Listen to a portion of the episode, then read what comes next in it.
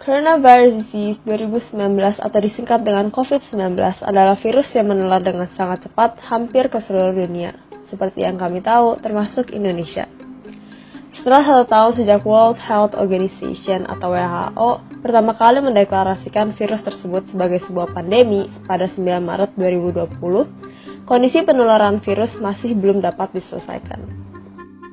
Hai, perkenalkan, nama saya Vini seorang pelajar dari SMA Citra Kasih yang sering kali berpikir, kapan sih pandemi ini bisa selesai? Pasti kalian juga pernah kan? Padahal di balik itu saya sendiri terkadang tidak dapat menahan keinginan untuk berinteraksi dan berekreasi. Apalagi pas hari raya, kebiasaan untuk makan bersama, jalan-jalan, merayakan dengan teman-teman, berasa hampa jika diubah total menjadi sebuah video call. Oleh karena itu, saya mulai bertanya-tanya, Bagaimana sih keadaan DKI Jakarta pada masa hari raya? Dan apakah peningkatan mobilitas yang biasanya terjadi pada hari raya itu meningkatkan jumlah kasus COVID-19 di DKI Jakarta? Mari kita membahasnya. Jadi, apa sih yang dimaksud dengan hari raya? Menurut KBBI, hari raya adalah hari yang dirayakan untuk memperingati sesuatu yang penting dan sebagainya. Seringkali disebut sebagai hari besar Tradisi, agama, dan kebudayaan yang terikat dengan hari raya umumnya melibatkan interaksi massal antara masyarakat yang tentunya bertimbal balik dengan protokol kesehatan. Seperti saat Jumat Agung, kami mengenal umat Kristen untuk berkumpul di gereja, dan saat Idul Fitri untuk umat Islam yang melakukan mudik dan sholat bersama, serta hari raya lainnya. Sebelum kami membahas, saya ingin mendefinisikan kata mobilitas penduduk. Mobilitas yang diartikan sebagai kesiapsiagaan untuk bergerak atau suatu gerakan berpindah-pindah dan penduduk yang memiliki makna sebagai orang atau orang-orang yang mendiami suatu tempat.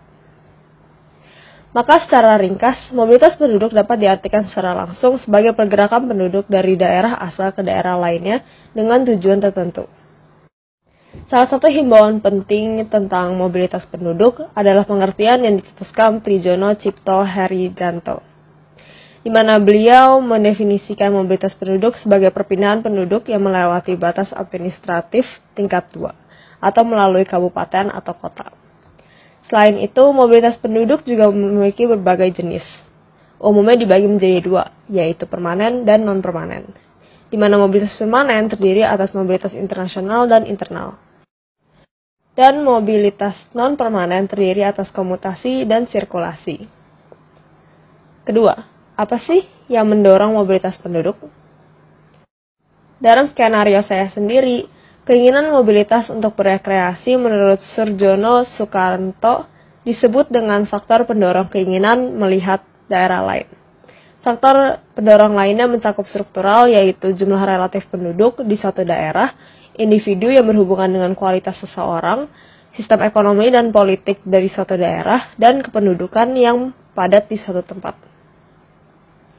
Mobilitas penduduk di DKI Jakarta sendiri dicerminkan dengan persentase terbesar penduduk berstatus migran keluar seumur hidup dan risen. Komposisi migran risen tersebut mencakup 48% perempuan, peningkatan 2% dari tahun sebelumnya, dan 38% berusia 20 29 tahun, yakni cenderung tinggi di usia produktif muda. Mengetahui segala fakta di atas, mari kita lihat kondisi DKI Jakarta pada masa hari raya saat pandemi COVID-19. Tempat ibadah yang ditutup mengakibatkan perayaan Jumat Agung 2020 melalui video conference sebagai pengganti ibadah tatap muka di gereja. Begitu juga dengan Idul Fitri. Saat bersama yang menjadi mandiri di rumah, namun menghambatan mudik pada masa ini masih kurang dipatuhi dan larangan terhadap protokol kesehatan masih berlimpah di seluruh wilayah. Idul Adha 2020 dilakukan dengan penyembelihan hewan kurban yang dilakukan dengan kewajiban untuk melakukan physical distancing, menggunakan masker, serta mencuci tangan sepanjang proses penyembelihan. Hari Natal yang sudah mengantisipasi mudik Natal, di mana Kementerian Penghubungan tidak melarang mudik secara total, namun ada pengawasan dengan ketat. Tahun baru 2021 bersama dengan Medan, Palembang, Bali, Jawa Barat, DKI Jakarta menjadi salah satu daerah yang paling melarang perayaan tahunan ini. larangan untuk menyalakan kembang api, mengadakan konser dan tarian, serta perayaan di tempat makan seperti restoran atau kafe pun ditiadakan, ucap Wakil Gubernur DKI Jakarta Ahmad Riza Patria. Terakhir, tahun baru Imlek 1572 yang terkenal dengan hadirnya angpau digital atau melalui wujud cemilan dan bikisan. Data untuk mobilitas penduduk di DKI Jakarta pada masa COVID-19 sendiri, saya mengambil referensi dari Google Community. Grafik tersebut dapat diidentifikasikan penurunan mobilitas penduduk jauh lebih tinggi saat kasus COVID-19 mengalami lonjakan lebih dari 200% pada tanggal 13 Maret 2020 dibandingkan saat penerapan PSBB. Disimpulkan bahwa dampak psikologis dari peningkatan jumlah kasus COVID-19 lebih berpengaruh dalam menghindari jumlah mobilitas penduduk. Selain itu, jumlah kasus COVID-19 pada masa hari raya dapat dilihat dari grafik dan data yang tertera di corona.jakarta.go.id. Dari data tersebut, dianalisis peningkatan kasus COVID-19 per 29 April 2021 mengalami puncak penambahan di awal tahun 2021, tepatnya pada 7 Februari 2021, di mana kasus positif COVID-19 di DKI Jakarta sendiri berjumlah sebesar 4.342 kasus. Dalam pembahasan, saya merasa kepentingan untuk menjumpai rata-rata masa inkubasi untuk COVID-19 yaitu 5 hari. Masa inkubasi merupakan waktu dari terpaparnya virus sampai munculnya gejala. Persamaan kasus untuk jumlah COVID-19 pada masa hari raya masing-masing menjadi kesimpulan bahwa hari raya menjadi media peningkatan jumlah kasus COVID-19 yang cukup besar secara total namun tidak berjangka panjang sendirinya. Masa inkubasi lima hari tersebut yang menunjukkan pengaruh hari raya terhadap kasus COVID-19 menunjukkan adanya pengaruh jumlah kasus yang cukup drastis akibat perayaan di mana kurangnya hadirnya pengawasan atas protokol kesehatan yang dapat mencegah peningkatan jumlah COVID-19.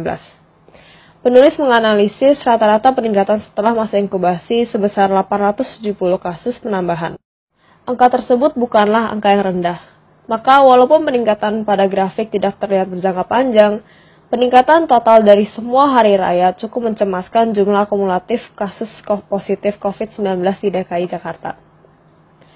Kurang ketatnya operasi protokol kesehatan, terutama yang mencakup angkutan dan tempat tinggal pribadi, serta hadirnya mudik dan terbentuknya kerumunan secara diam-diam menjadi faktor utama peningkatan jumlah COVID-19 pada masa hari raya.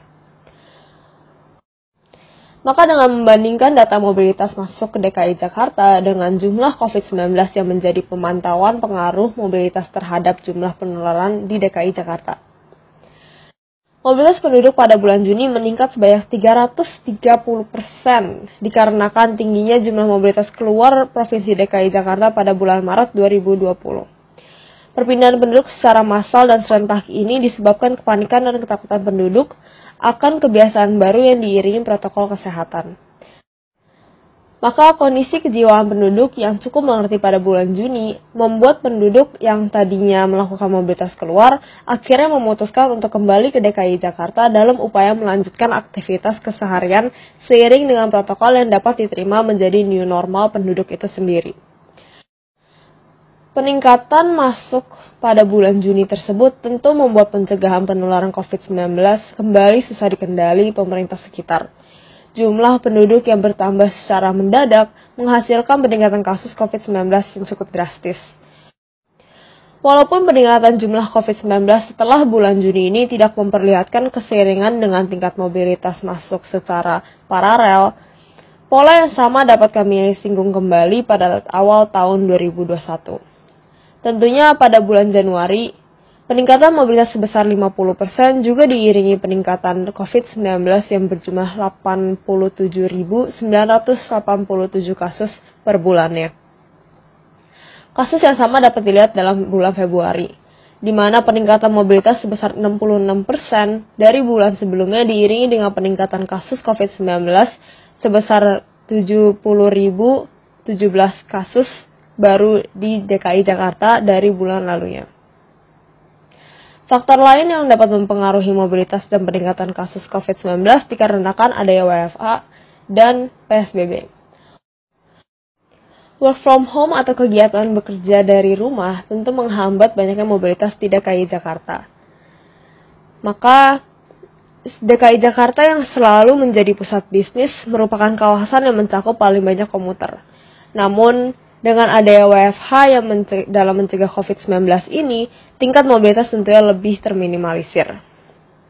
Selain itu, Peraturan Gubernur Daerah Khusus Ibu Kota Jakarta Nomor 33 Tahun 2020 tentang pelaksanaan pembatasan sosial berskala besar dalam penanganan Coronavirus Disease 2019 yang dikeluarkan Gubernur DKI Jakarta Anies Baswedan merupakan awal dikenalnya PSBB atau pembatasan sosial berskala besar.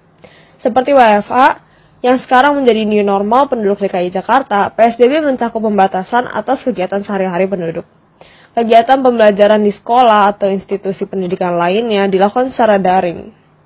PSBB juga mencakup pembatasan aktivitas bekerja di tempat kerja dan aktivitas yang namun diubah secara daring tentunya menurunkan tingkat mobilitas penduduk secara pesat, disertai kemudian tutupnya tempat berekreasi.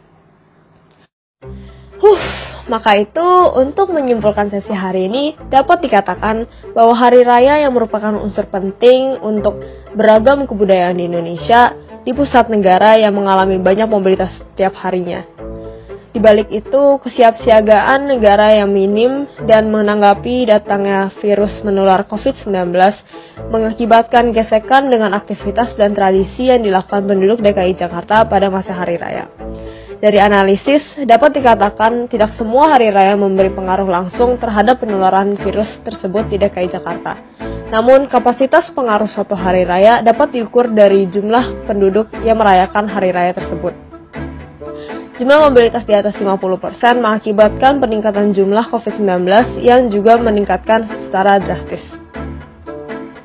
Maka secara kesimpulan, Mobilitas yang sudah terminimalisir dengan adanya peraturan daerah setempat menjadi sarana utama penyebaran COVID-19 jika mencapai kapasitas tertentu. Begitu juga dengan hari raya yang mencakup kapasitas perayaan penduduk yang besar. Hari raya yang mencakup perayaan massal akan tetap memicu mobilitas massal yang menjadi pengaruh jangka panjang terhadap kasus COVID-19 di Jakarta.